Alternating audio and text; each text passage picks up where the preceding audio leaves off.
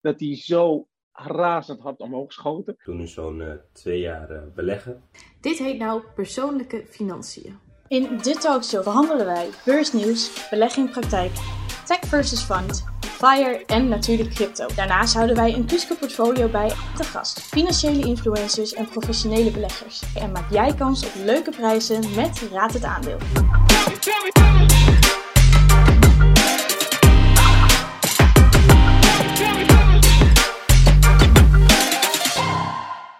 Raoul Esserboom van CryptoTakkies deelt zijn heldere kijk op de cryptowereld. En Roy, Kuske-volger, deelt zijn ervaring. Daarnaast deel ik, Sita Shengedu, wat persoonlijke financiën zijn.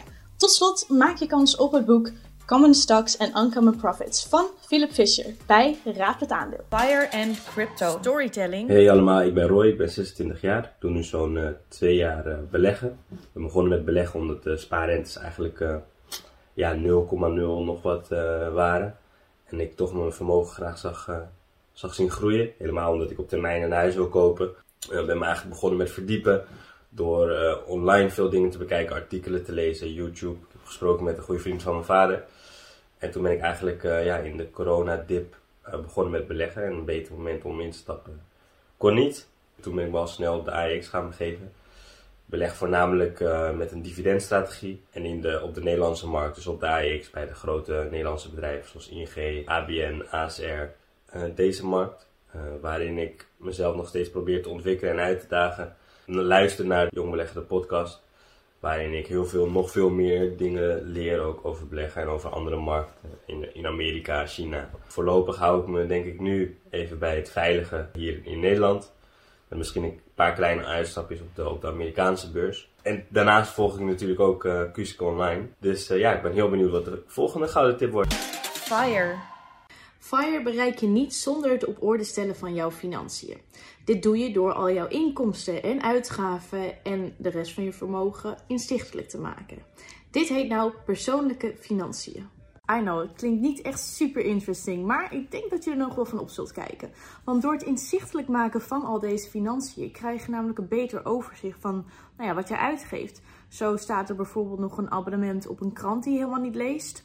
Of ga je eigenlijk toch nooit naar de sportschool? Inkomsten zijn alles waar je geld voor krijgt, bijvoorbeeld salaris, duo, zorgtoeslag en rendement op investeringen. Uitgaven bestaan uit vaste lasten zoals huur, energierekening, zorgverzekering, sportschoolabo of je telefoonabo.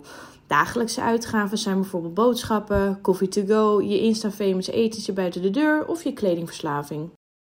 Pak je rekeningoverzichten van de afgelopen maanden erbij, zet ze in een begroting, categoriseer ze en stel budgetten op. Er bestaan handige tools zoals apps en Excel-templates om de financiën inzichtelijk te maken. Het geld wat je overhoudt is je besteedbaar inkomen. Stel een spaar- en investeringsdoel op en zorg ervoor dat je maandelijks automatisch, zodra je salaris binnen hebt, dit bedrag alvast opzij zet. Crypto. Laten we gewoon meteen erin duiken. We gaan het heel kort houden, um, want het cryptojaar is eigenlijk ook voorbij gevlogen. Wat we gezien hebben is langzaamaan dat de adoptie uh, aan het groeien was. En we hadden al die aanname in 2020 van nou, vanaf 2021 gaan we echt wel institutionele adoptie zien. En dat hebben we ook gezien in 2021. Maar ook meer retailers die de markt op zijn gekomen. Um, en die institutionele adoptie, hoe zien we dat nou? Dat zien we door de, zoals ze dat noemen, de on-chain analysis. Waarin we eigenlijk kunnen bekijken hoeveel bitcoin er op exchanges blijft hangen. Of hoeveel er van exchanges wordt afgehaald en in cold wallets worden geplaatst. Want die bitcoins die bewegen daarna namelijk voor een hele lange tijd niet meer. Nou, en we zien dus steeds meer instituten die bitcoin op hun uh, balans eigenlijk gaan aanhouden. En dat is heel interessant. Daarnaast zie je natuurlijk ook nog een hele grote blockchain trend. En die blockchain trend die is er ook voor die instituten. Die gaan werken met die nieuwe technologie en gaan kijken hoe dat het beste past in hun, uh, ja, in hun bedrijfsvoering of in hun proces. Dat hebben we een beetje gezien door het jaar zo heen. En uh, dan, zag je natuurlijk de prijs van Bitcoin en van sommige andere cryptocurrencies ook stijgen. Uh, met name de, de Layer 1 solutions, dus de, de oplossingen uh, die hun eigen blockchain-infrastructuur hebben gebouwd. En aan het einde zag je eigenlijk een beetje dat dat hele NFT-ding, dat dat ook een soort, ja, een soort hype was. Dus dit, we hebben de NFT's, de, de metaverse en zelfs de meme coins hebben we ook nog gezien uh, in het jaar 2021. En ik verwacht dat het jaar 2022, dat we eigenlijk nog veel meer institutionele adoptie gaan zien. Dus ik kijk er naar uit. En je zei toen net ook toevallig iets over uh, met de crypto's, want dat vond ik wel een hele interessante. Uh, je moet goed opletten dat het, nee, hebt een verschil tussen projecten en echt inderdaad mensen die er een soort van uh, een bedrijf van hebben gemaakt, zeg maar. Ja, nou, er zijn natuurlijk heel veel uh, cryptomuntjes.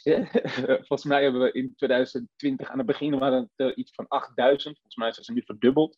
En zijn het er volgens de data van volgens mij CoinMarketCap iets van 16.000. Ik pin me er niet op vast, ik heb het vandaag niet gecheckt. Um, maar we zien dat er een hoop nieuwe muntjes bij zijn gekomen. Nou, dat kunnen tokens, maar ook coins zijn. Um, maar heel veel van die projectjes, of heel veel van die muntjes eigenlijk moet ik zeggen, dat zijn bedrijven. Dat zijn uh, mensen die een probleem hebben gezien en dat probleem willen oplossen en dat op denken te kunnen lossen met een cryptocurrency, met een coin of een token. Maar er zijn ook heel veel van die muntjes, dat zijn gewoon projecten, experimenten.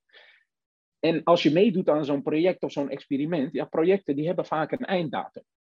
Bedrijven, ja, die willen zo lang mogelijk blijven bestaan. Dus de kans dat die uh, op de lange termijn blijven bestaan, praten we vier tot zeven jaar, die zullen ja, vaak ietsje groter zijn dan dat dat bij experimenten of projecten zo, uh, zo, uh, zo zal zijn. Projecten kunnen wel uitgroeien tot bedrijven, is een possibility. Maar het kan ook heel goed zijn dat ze denken, oh, we hebben dit experiment uitgevoerd, niet gelukt, we gaan verder met, we gaan verder met ons leven. En we willen, niet dat mensen, ja, we willen niet dat mensen in dat soort projecten gaan investeren, omdat je dan nou niet per definitie je geld kwijt bent, maar het risico vele malen hoger is. Maar ja. ze willen ervoor zorgen dat mensen, als ze gaan investeren in cryptocurrency bedrijven of blockchain bedrijven die gebruik maken van een token, dat ze ook gaan snappen welk probleem ze oplossen of op willen lossen met de token. Hoe kan je checken of iets een project is en wat een bedrijf is? Poeh, en dat is dus heel lastig. Do your research. Wie de founders zijn. Als mensen hun gezicht laten zien, dan hebben ze de, de bedoeling om dat project of dat bedrijf voor de lange termijn te laten bestaan. Uh, het zijn mensen die echt een probleem oplossen en dat probleem op willen oplossen voor klanten. Dus uh, er is een bepaalde markt waarvoor ze dat oplossen. Bij projecten die zijn vaak ietsje schimmiger, onduidelijker. Het gaat vaak over heel veel geld verdienen, maar niet over het oplossen van een probleem. En dat is met name het ding waarvan ik zeg, zoek daarnaar een project of een bedrijf wat echt een probleem oplost en waarbij de mensen uh, ja, eigenlijk zichzelf zichtbaar maken. En natuurlijk een roadmap met duidelijke milestones die ze willen of al hebben behaald, zodat we weten waar ze naartoe gaan in de toekomst. Thanks. Ik het niks uit. Thanks Roy voor het delen van jouw ervaring. En Raoul, jij bedankt voor jouw blik op de crypto-wereld. Nou ja, crypto kan natuurlijk niet ontbreken binnen het Kuske portfolio. Maar ik moet hem wel aan kunnen schaffen via mijn broker. Ik ben daarom eventjes op zoek gegaan en ik heb eventjes wat advies gevraagd bij Raoul. Daarbij ben ik tot de conclusie gekomen dat wij Galaxy Digital gaan toevoegen aan ons Kuske portfolio. Het is een financiële dienstverlening en vermogensbeheerder in de cryptobranche. Kuske bedankt haar vrienden van Eck en Beurspro die de talkshow mede mogelijk hebben gemaakt. Adviezen zijn gegeven op persoonlijke titel en onafhankelijk van Kuske tot stand gekomen. Deze talkshow bestaat uit vier blokken: beursnieuws, beleggen in praktijk, tech versus fund, fire en crypto. Bekijk, luister of lees de blokken via YouTube, Instagram of op de website www.kuske.com. Zoals gewoonlijk sluiten we deze show af met Raad het aandeel. Raad het aandeel. In elke talkshow kan jij een prijs winnen door een aandeel te raden aan de hand van een raadsel. Deze kan je invullen op www.kuske.com raad het aandeel. De winnaars worden in de volgende talkshow bekendgemaakt en zijn terug te zien op de website. Welk aandeel slash bedrijf uit de Nasdaq binge lekker weg, maar werd keihard afgestraft alleen maar omdat ze de te hoge verwachtingen niet waarmaken en hierdoor de verwachtingsbubbel uiteenspatten. Wat resulteerde dat de koers in één week tijd met ruim 30% kelderde. Ga naar www.kuske.com slash raad het aandeel. Vul het aandeel in en maak kans op een van de vijf boeken Common Stocks en Uncommon Profits van Philip Fisher.